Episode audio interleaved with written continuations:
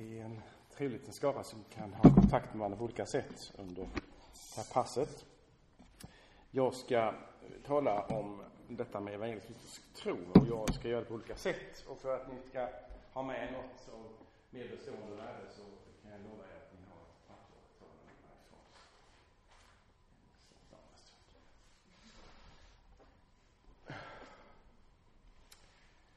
Jag tänkte göra så att jag skulle rita en liten eh, en bild som inledning. Och eh, det är så här. Ett stycke cykelhjul med en massa ekrar. Och ni är med mig i en bild som börjar så här kan man tänka att om ni funderar på det vi kallar för biblisk kristendom eller det som finns föds fram genom apostlarna och i Nya Testamentet så finns det en rikedom i den första kyrkan som man kan läsa om och förstå att det fanns en väldigt stark klarhet över vem Jesus är och, och, så, och så vidare. Och då tänker, man, tänker jag mig en bild att det är som ett cykelhjul med en massa ekrar. Och alla är liksom hela och hjulet snurrar som det ska. Och så går det en tid. Vad händer sen? Jo, sen eh, faller eker efter eker av och lägger sig på marken. Så att hjulet efter ett tag ser ut så här. Så. Det är några ekar kvar och det snurrar inte riktigt som det ska, det är obalans i det. Kyrkan, församlingar får problem och vi vet en, en hela utvecklingen av kyrkans historia går upp och ner. En tydligt, alltså alltid har det varit så. Så när vi tycker att det är väldigt bra idag, eller väldigt dåligt idag, så kan vi lugnt säga, ja, så har det alltid varit, upp och ner. Då tänker ni att vi har ett, ett cykelhjul som är, som är liksom i dålig balans. Och så är det någon person, ofta börjar det med någon, som hittar de här ekrarna som har ramlat av. Och tänker, vad konstigt att de inte är med i det där hjulet som snurrar. Hade de funnits med i det hjulet så hade det snurrat mycket bättre. Och så tar någon hjulbil de här ekrarna och så gör de ett nytt hjul bakom med de ekrarna.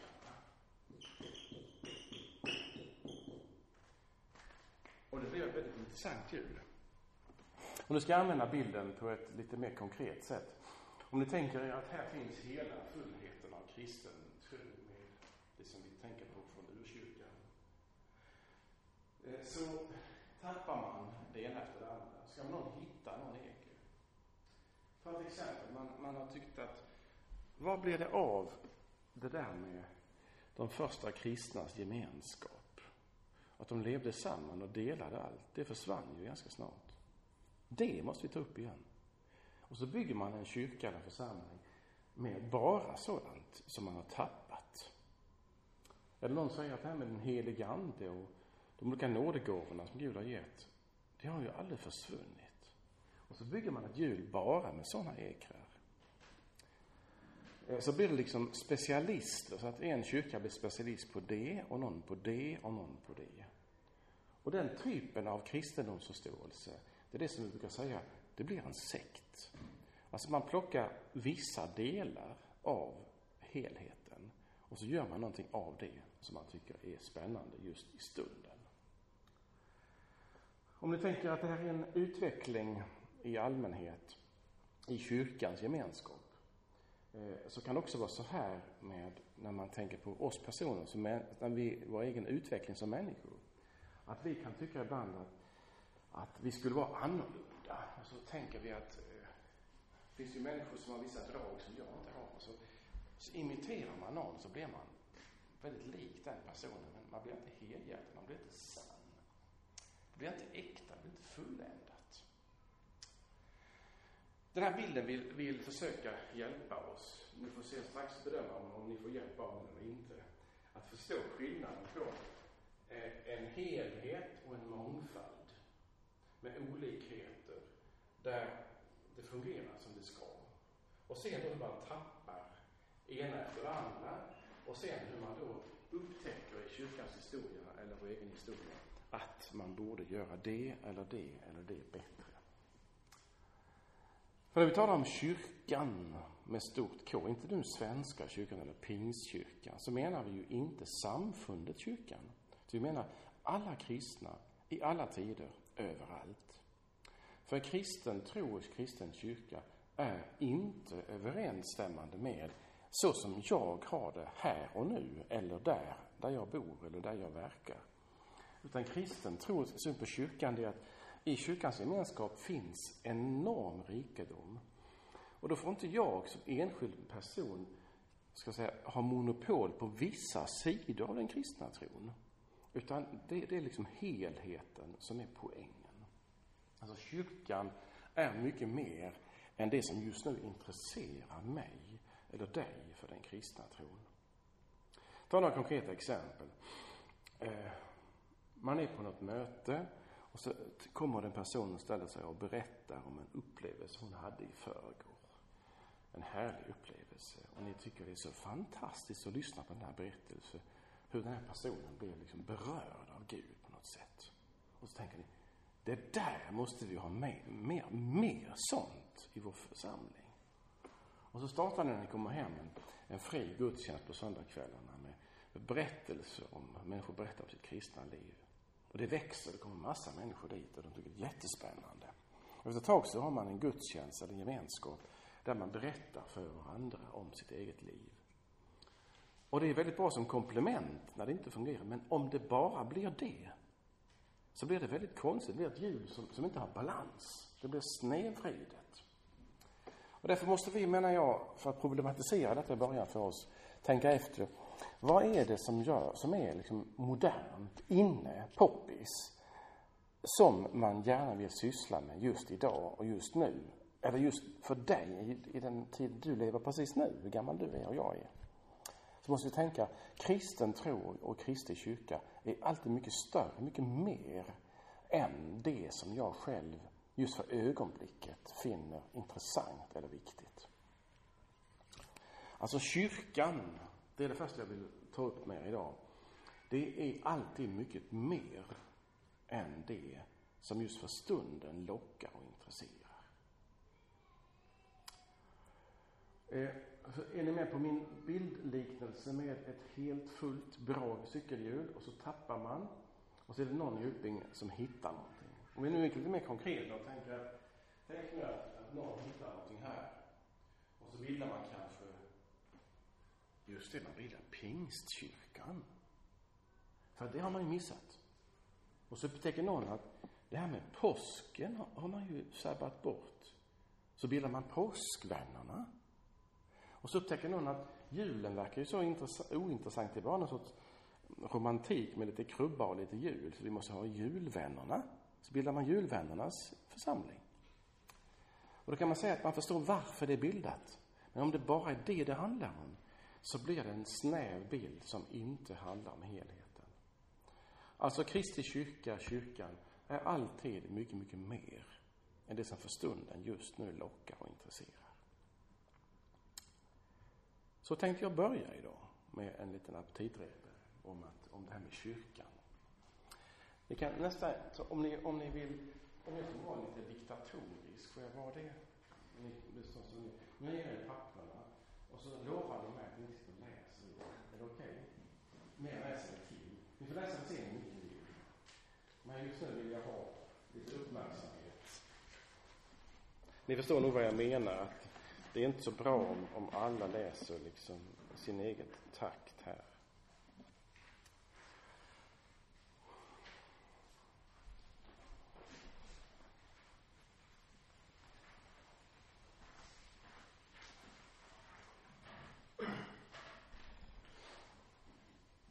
När man nu frågar sig om man kan, eh, vad vi ska syssla med i eftermiddag, så är det så här att det jag vill ta upp det är dels centrala delar eller grundbultar eller grundbegrepp i kristen tro. Och jag vill visa vad är det som är nödvändigt för en människa för att vara kristen och tro på Jesus. Så det är två rubriker jag har ikväll eftermiddag. Det är grunddragen och vad som är nödvändigt. Då vill jag visa, visa en bild igen. Jag ritar två stycken cirklar, koncentriska cirklar. Och så skriver jag längst in, sätter jag ett Kristusmonogram, Jesus Kristus. Och så säger jag, det som är i centrum i kyrkan, i kristen tro, det är någonting som man måste vara, vara klar över vad det är man sätter i mitten. Vad är det centrala, det viktigaste? Det som jag inte kan vara utan. Och då kan man göra det lätt för mig ett ögonblick och säga, där sätter jag Jesus Kristus, Guds son. Där sätter jag Bibeln, evangeliet. Där sätter jag dopet och nattvarden. Jag stoppar där ett ögonblick, det är inte hela bilden, men ni förstår vad jag menar, en, en tydlighet. Vad är det som är i centrum? Sen här, utanför den här mindre, mindre cirkeln sätter jag punkter för att markera eh, mindre viktiga, ju längre ut i periferin, ju mindre viktigt är det. Men här är då ändå en avgränsning utåt i den yttre cirkeln. Och nu ska jag vara konkret. Om jag säger så här, eh, dop förekommer i alla kyrkor, för det är någonting Jesus har sagt. Alltså finns det i mitten. Eh, hur vi ska döpa, det tillhör det som ligger utanför den innersta cirkeln. Och då kommer frågan, eh, hur varmt bör vattnet vara när man ska döpas? Då tror jag att ni, många säger, det spelar väl ingen roll. Lägg av nu. Ska du kämpa om det? Nej, det sätter vi dopvattnets temperatur. Det, det är nästan ointressant. Men vi måste ju ha vatten. Alltså, vi tar inte sand. Är ni med? Alltså, vi måste få vatten med. Men hur varmt det är, det spelar ingen roll. Och säger någon, hur mycket vatten ska det vara när man ska döpas? Och säger någon, det är helt ointressant. Någon säger, nej, det måste vara mycket vatten. Men då gör vi lätt att säga att det är, hur, man, hur vatten man ska ha, det är mindre viktigt, säger vi. Vi sätter det vattnet också. Men att vi ska döpa är viktigt. Och nu vill den här bilden visa oss att i den kristna tron finns det någonting som är centrum, som inte är förhandlingsbart, som inte är utbytbart, som inte kan stängas av eller tas bort. Och någonting längre ut, som är mindre viktigt. Och det här vill hjälpa oss att se. Du och jag hör så mycket om vad som är viktigt och intressant. Att vi ibland kan tänka oss att för varje ny sak vi hör så vill vi liksom göra ytterligare någon erfarenhet. Eh, så glömmer man att när man är förankrad i det innersta, i mitten, så blir man ganska fri mot det som är där utanför det. Men när man inte är tydlig om centrum så blir man väldigt osäker om allt det andra. Eh, alltså det kan ju vara så här att i den kristna tron så, så kan man säga, hur ska man be? Och då kommer någon att säga, ja vi kan be hur som helst, men i, i vår församling så ber vi ofta med, med knäppta händer.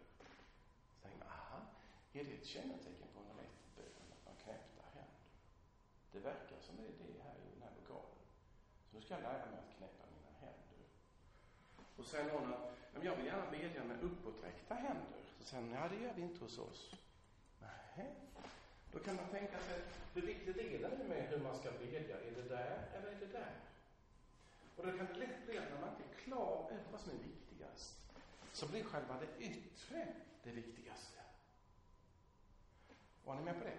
Alltså när man inte är klar över centrum, så blir det andra väldigt, väldigt, väldigt viktigt. Nu ska jag gå in på ett område som jag inte, som jag känner att jag kommer nog göra bort mig och då får ni gärna le åt mig. Men tänk nu hur det är att vara människa och fundera på hur ens kropp ser ut. Så kan det vara så här att när man är i vissa åldrar så är kroppens utseende väldigt, väldigt, väldigt viktigt. Det är ungefär som att om jag inte ser rätt ut och är på olika sätt så vågar jag inte visa mig. Alltså tycker man att hur jag ser ut, det är, det är jätteviktigt. Skulle någon säga, nej men det är inte hur du ser ut, det är hur du är, säger poängen. Vad skönt att veta det. Och så kämpar man med, med, med sig själv, med sitt yttre, med sin kropp. Eh, hur är det med mitt utseende mot den jag är? Vilket är viktigast egentligen? Och då vet vi att det finns det mycket i vårt samhälle idag som säger att det är inte det den du är som är poängen, utan det är hur du syns. Eller för att tala ett modernt citat, att om du inte syns så finns du inte. Alltså måste du synas i Facebook, på e-posten, överallt, annars finns du inte. Och då lägger man in saker och ting i en identitet som man tycker är viktig. Men vad är, det man, vad, vad är det som händer? Jo, det är att man inte upptäcker vem personen är. Man lär inte känna individen, personen, utan det som är lite utanför och så. När man blir äldre, jag är mycket äldre än vad ni är, så händer någonting automatiskt med människor när man åldras. Och det kanske drabbar alla, även er. Att man upptäcker att det finns viktiga och oviktiga saker i livet. Det som tidigare var jätteviktigt, det är inte lika viktigt idag. Och jag tror att ni också har gjort erfarenheten så här långt i livet, att ni har gjort, upptäckt det också. Att kanske är det där inte det viktigaste. Så tänker du på något med varandra. Men mina bilder och mina exempel, och vill, om ni vill komplettera era bilder, era exempel med mina, så tänker ni att om vi tar bort eh, bilden nu som talar om kristen tro, utan talar om personligheten. Vad är det här inne som är ditt centrum, som är ditt jag, din identitet, din, din, din, ditt unika jag? Och vad är det sen som är, viktigt, som är mindre viktigt utåt? Eh, och där kan man säga att där blir man, tycker jag, bedragen varenda dag i vårt samhälle. Man luras tro att det där som inte är viktigt är det viktigaste. Därför är det många av oss människor som mår så jättedåligt. Att det är sån press på. Jag tar en liten eh, paus bara för att säga, eh, kolla om, om ni är med i intresset för att resonera. Eller jag pratar över huvudet på er så kan jag ge en feedback eller motsatsen. Vi behöver inte säga att det var bra eller dåligt, utan säga om ni är med, hur resonerar ungefär. Vill ni komplettera någon bild på detta? Förståelsen av det centrala, det viktigaste, det nödvändiga och det som är mindre viktigt utåt. Men det tillhör ändå. Innan jag ber om ny vision.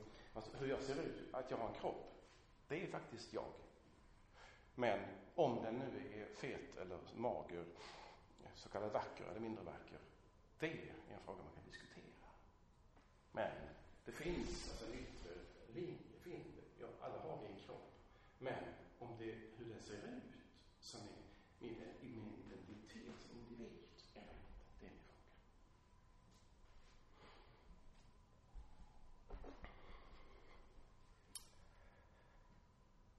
Jag vill att ni ska titta på pappret ett ögonblick.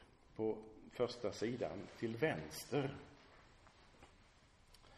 det står där, eh, det är ett utdrag ur Augsburgska bekännelsen från 1530. Vi ska inte kommentera vad det är för bok ännu, eller text. Då står det om kyrkan. Kyrkan är det heligas samfund där evangeliet rent förkunnas och sakramenten rätt förvaltas. Och för kyrkans sanna enhet är det nog att vara ense i frågor om evangeliets lära och förvaltningen av sakramenten det är inte nödvändigt att nedärvda människobud eller religiösa bruk eller yttre av människor föreskrivna former för gudsstyrkan överallt är lika. Har ni eh, parabol, kabelkanaler och ser på, på kristna tv-kanaler? Kan ni göra det? Nej? Vi har en sån hemma vi har satt så vi ser tre stycken kristna kanaler. Det är God Channel och det är kanal 10 och det är norsk kanal 10 tror jag det är. Och det, det är intressant att, att sappa igenom dem ibland och se vad är det som går på TV som man vill som utbud från kyrkan, från kyrkorna visa upp i TV. Och då upptäcker jag att det som nästan alltid kommer tillbaka, som är högfrekvent, det är att man framifrån visar lyckade människor och man visar eh, hur man ska lyckas och bli bättre. Det är en jättestor förenkling detta naturligtvis. Men det, det, det är ofta förekommande. Och så är det en sak till, den tredje punkten som gör mig lite förtvivlad. Det är att allt ska vara så fruktansvärt kul och glättigt och häftigt så jag blir alldeles matt när jag lyssnar på det. Och när ni kritiserar det här, för det gör jag faktiskt, så, så ligger bakom det att om detta blir ett uttryck för att förstå kristen tro, då lurar man människor. Därför att det som är det viktigaste, så är det detta. Det är alltid förpackat i någonting. Och en del av er, eller era föräldrar, mina föräldrar, har varit med i miljöer som man skulle säga, som var jätte och jag tänker tillbaka på det som är min uppväxt med, förlåt mig jag säger nu, tråkiga präster, jag själv präst. Tråkiga präster, och tråkiga gudstjänster, tråkiga psalmer. Åh, så jobbigt. Det är ungefär som att förpackningen är så illa trist, så man ser inte middagen. Man upptäcker den inte. Och sen, jag orkar inte gå dit. Och så är man på ett annat ställe och där är det så roligt, så trevligt. Och då säger jag, det är inte dumt att det är roligt och trevligt. Men förpackningen runt omkring är ibland inte en rätt beskrivning av vad som är i mitten. Och nu tänkte jag att vi skulle gå in på de punkterna, några grundbegrepp som är utmärkande för kyrkan och som jag ska sätta i mitten där. Som, som är ett bidrag från det vi kallar den evangelisk-lutherska bekännelsen. Och det jag nu säger, det är inte en genomgång av Martin Luthers teologi, utan det är några begrepp som jag har plockat, det finns mycket mer att säga om det, för att tydliggöra vad är det som är i centrum, vad är det viktiga? Och när vi, menar jag, finner detta och får tro på det, så gör det oss fria. Och då vill jag göra bilden så här, när du upptäcker vilket ditt centrum är som individ, och vad den kristna tron handlar om djupare sett i mitten, då blir din yttre cirkel jättestor. Alltså du får plats med så mycket i ditt liv.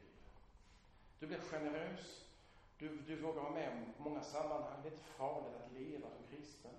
Men när din, när din eh, linje här blir för stor, allt för är viktigt, då blir du ofriare och ofriare ju längre du lever. Det är det märkliga. Att har du ett centrum som är tydligt och klart, då blir du fri mot det andra som du har med i livet också. Jag ska börja med det som heter lag och evangelium på, Eh, och bara säga lite kort om detta. Det är så här att om ni tänker er att vi talar om Bibeln så menar vi så här att Bibeln är Guds uppenbarelse till oss. Eh, och med uppenbarelse menar jag då att det är ett sätt där Gud ger sig till oss så att vi kan se eller höra eller ana någonting. Man kunde tänka sig att en osynlig Gud inte kommunicerar med oss.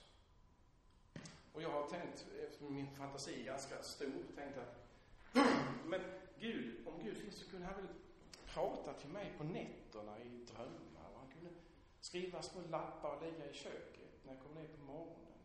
Alltså han kunde ha olika sådana grejer för sig om Gud finns.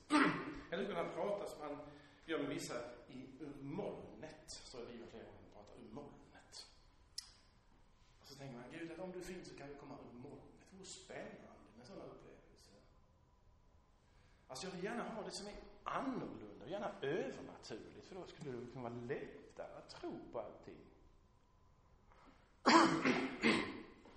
Men uppenbarelse, det är alltså att Gud ger sig till känna, Visa sig på något sätt. Och det ger han i ett ord, eller ordet, som kommer till oss. Och det kommer alltså genom människor. Människor av kött och blod. De är inte i hypnos, utan de skriver tydligen, dikterar och så vidare till oss det som Gud har gett dem. Och så får vi det till oss. Och då upptäcker vi att Bibeln inte är en bok. Utan det är 66 böcker. Och läser ni dem så ska ni upptäcka att det är en enorm bredd. Och jag vill göra en bild som ni kanske har sett. Jag vet inte om den är bekant. Ja, det ska inte vara så här. Det, det ska vara ett träd. Och så är det en marknivå som går där. Vackert är det inte. Så. Och så tänker ni att man ser det genomskärning. Så det här är rötterna som man inte ser några fall då. Och här har vi då Bibeln underst. Så har vi en bok, vi kan, vi kan ta till exempel Jona bok.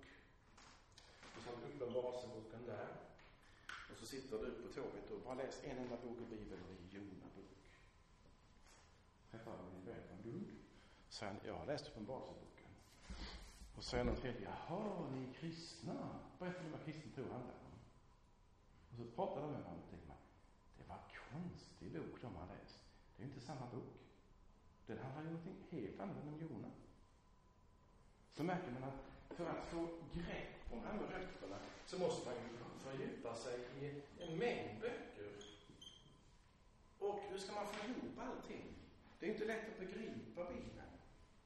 Jo, då hänger detta ihop så det blir därför en stam.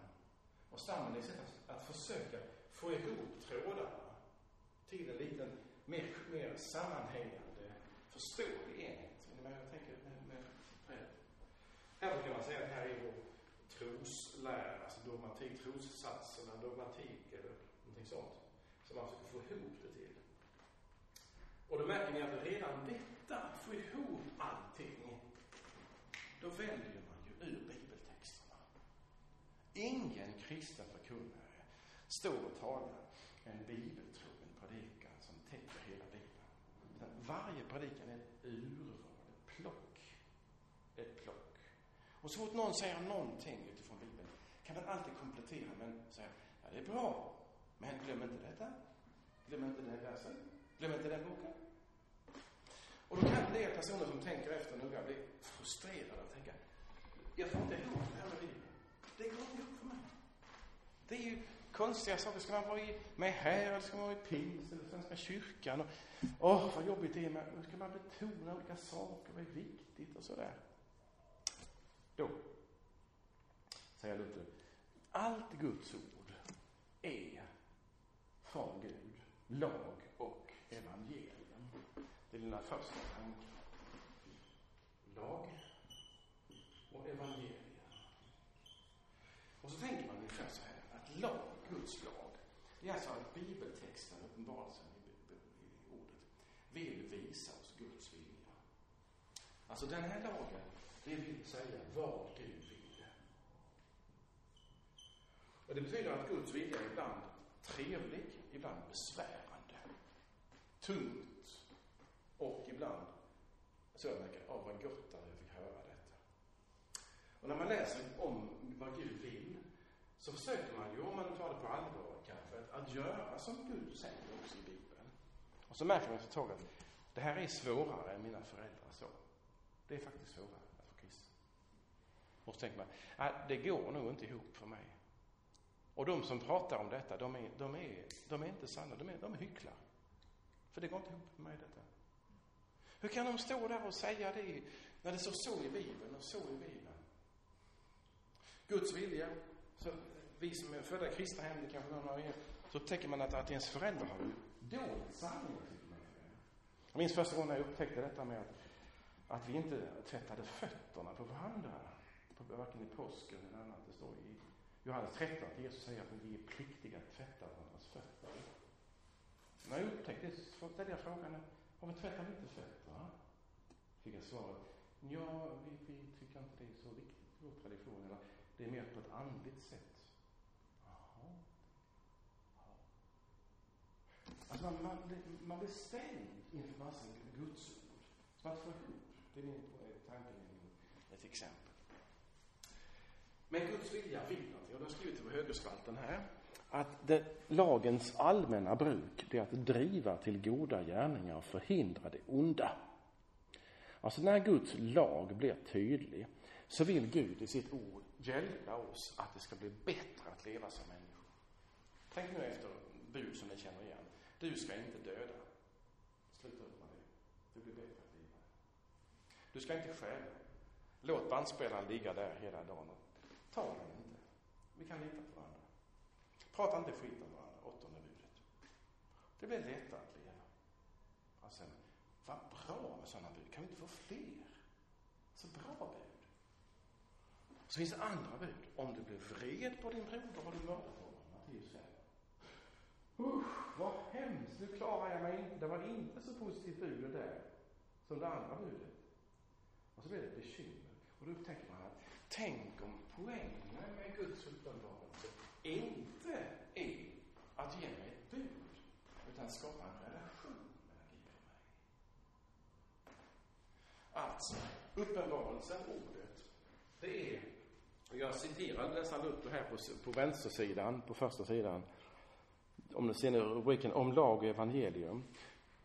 Eh, där eh, Bibeln vill inte framför allt ge regler och bud för vårt liv eller framställa en lära eller genom principer förmedla speciella krafter.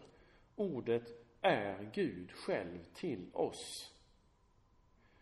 Alltså, det är Guds sätt att vara med mig. Tänk nu så att man ser på Bibeln på det sättet att det är, det är Guds sätt att kommunicera med mig. Och vi ska få ett exempel. Har ni Bibeln med? Eh, annars kan jag läsa. Eh, om ni slår på första Mosebok eh, 22. Jag griper tag i det svåraste med en gång. Ett svårt ställe, första Mosebok 22. Så står det, hädanefter satte Gud Abraham på prov. Det är berättelsen när Adam, Abraham ska offra sin son Isak. Har ni hört berättelsen? Ja. Då kan man ju säga att, tänker på den texten så är det var en svår text att Gud säger till Abraham, du ska döda din son. Sen händer det att de går tillsammans på berget och Gud hindrar sen Abraham att döda sin son. Som och så upptäcker de att Abraham, att Gud hittar ett annat offer än son. En, två. Om man läser den här texten kan man tänka, hur ska jag förstå det här Aha. Eh, kan Gud säga till Abraham att han ska döda sin son? Kan det betyda att det är någon bild för Jesus här, att han är den sonen som ska dö för vår skull? Aha, nu kommer jag ifrån problemet.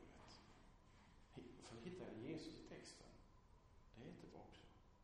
Eller ska man tänka, men Gud, vad, vad vill du med detta?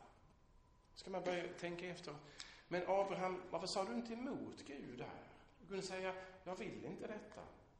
För det gör Moses igen i nästa, nästa bok i Bibeln, så går han emot Gud och säger, jag vill inte göra så här. Då skulle en judisk rabbin säga, problemet med Abraham är att han är, han inte samtalar med Gud, utan bara, bara lyder. Men vi ska samtala med Gud om det, och lyda. Men märk nu att relationen är poängen och inte, han har sagt det, jag ska hålla tyst. Ungefär som ni tänker en, en, man tänker på någon förälder med barn, och så säger föräldrarna, gör nu det. Och säger barnet, ja, pappa. Och så går barnet ut, och så går det runt knuten, och så börjar barnet svära mot pappa. Är det så? Han är. Då skulle Gud säga, om du nu är arg på mig, Karl Magnus, så säg det till mig. Säg det till mig. Det är en relation. Förstår ni skillnaden? Alltså relation är att tala ut med den som säger obehagligheter eller underbara saker. Så när Guds lag, Guds vilja träffar och det gör ont, då ska jag prata ut. Säg det till honom. Och inte bara, ja. För säger du, ja, så kommer du någon gång i livet att släppa allting, om du inte gör upp med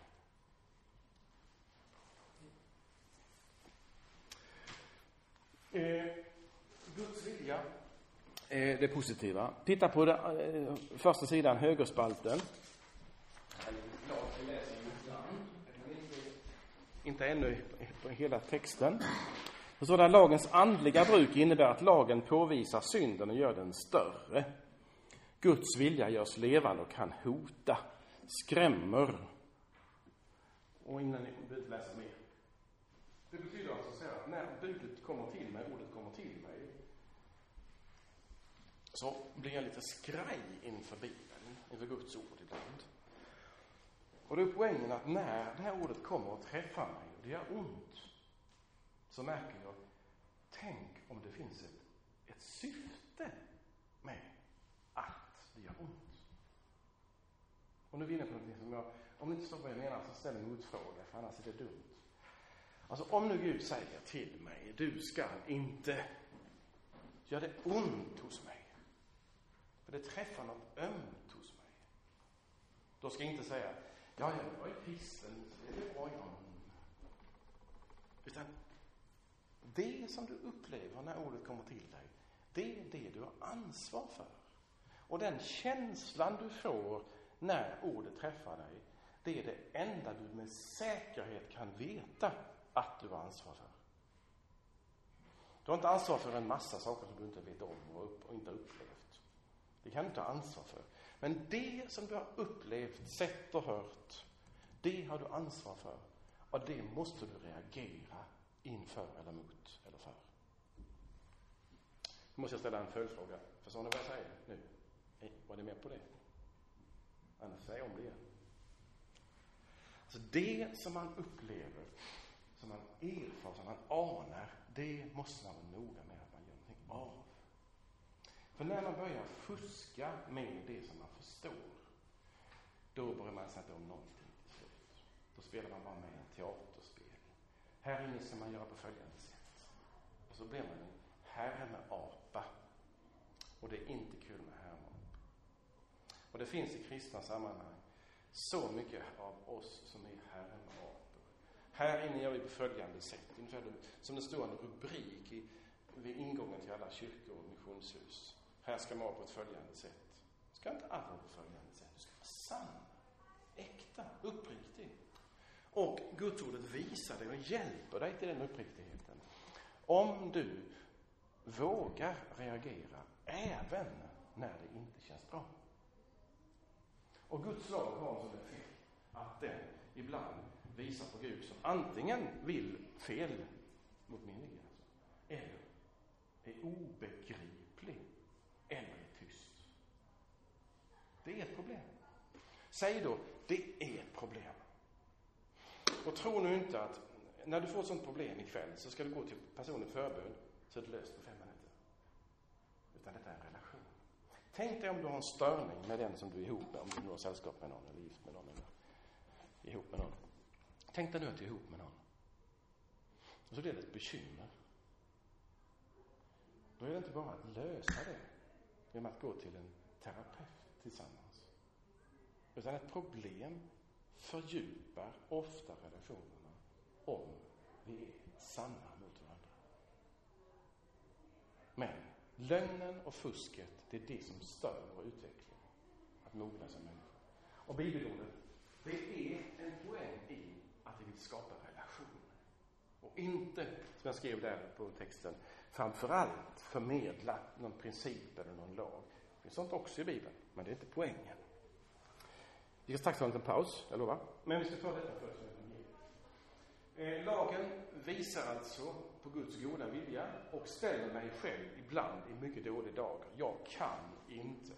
Om Gud skulle vilja döma mig efter sin goda vilja så skulle jag inte klara det. Den insikten gör att jag tänker, hur ska Gud lösa problemet? Och därför skrev jag en grej här som ni kan läsa innan till om meditera över.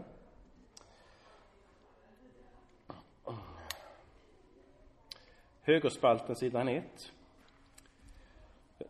Där den andra punkten, lagens andliga bruk. Jag hoppar fyra, fem rader ner. Lagen anklagar och fördömer. Evangeliet däremot väcker tro i hjärtat på Jesus Kristus. Och så meningen innan. Den, alltså lagen, skrämmer och gärningar som kommer av detta tillstånd blir därför aldrig goda i egentlig mening. Jag ska förklara det. Alltså när man upptäcker Guds vilja och försöker få till det, så, blir man, så upptäcker man långsamt att jag kommer inte att klara av Guds goda vilja. Och det blir inte lättare när det. Då finns en annan lösning. Och det är inte att säga nej till alltsammans, utan att upptäcka att det finns en som har gjort och gör det jag inte kan. Evangeliet handlar om Jesus Kristus och det är för hans skull som jag får vara en kristen.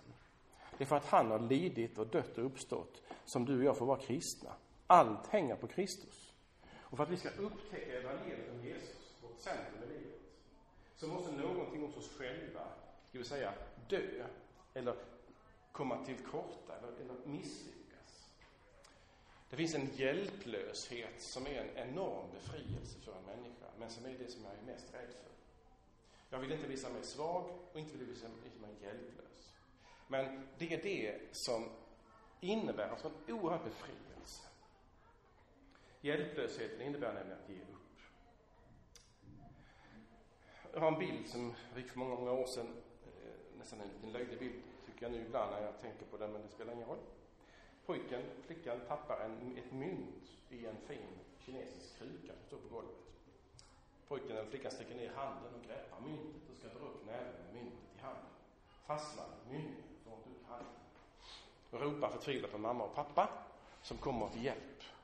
Och där står barnet med handen nere i krukan och kommer inte upp. Och mamma och pappa begriper ju genast vad som ska göras men försöker ju hänga med på barnets villkor. Och säger till slut till barnet att om du sträcker ut din näve så långt du kan och gör den lika smal som när du stack in den så ska du se att du får upp den. Och det svarar barnet naturligtvis, då tappar jag myntet. Och då säger mamma, du, vi kan vända upp och ner på krukan, säger ja. Alltså, när jag tagit myntet så vill jag inte släppa taget. Jag vill inte ge upp. Jag vill inte vara hjälplös. Jag vill inte släppa taget. Jag måste krampaktigt hålla fast någonting. För om inte jag håller fast så går det inte. Men det finns en god övning för oss alla och det är att den gången som du och jag ska dö då kan du inte hålla fast någonting. Du får släppa taget. Nu ska du öva dig inför det. Släpp taget. Och då kan lagen vara så god så den visar dig, hjälper dig att släppa taget. Så du upptäcker, det finns en som bär mig. Det finns en som håller mig i sin hand. Det finns en som är min frälsare. Genom dopet tillhör jag honom. Jag har ingenting att frukta. Det är trons övning.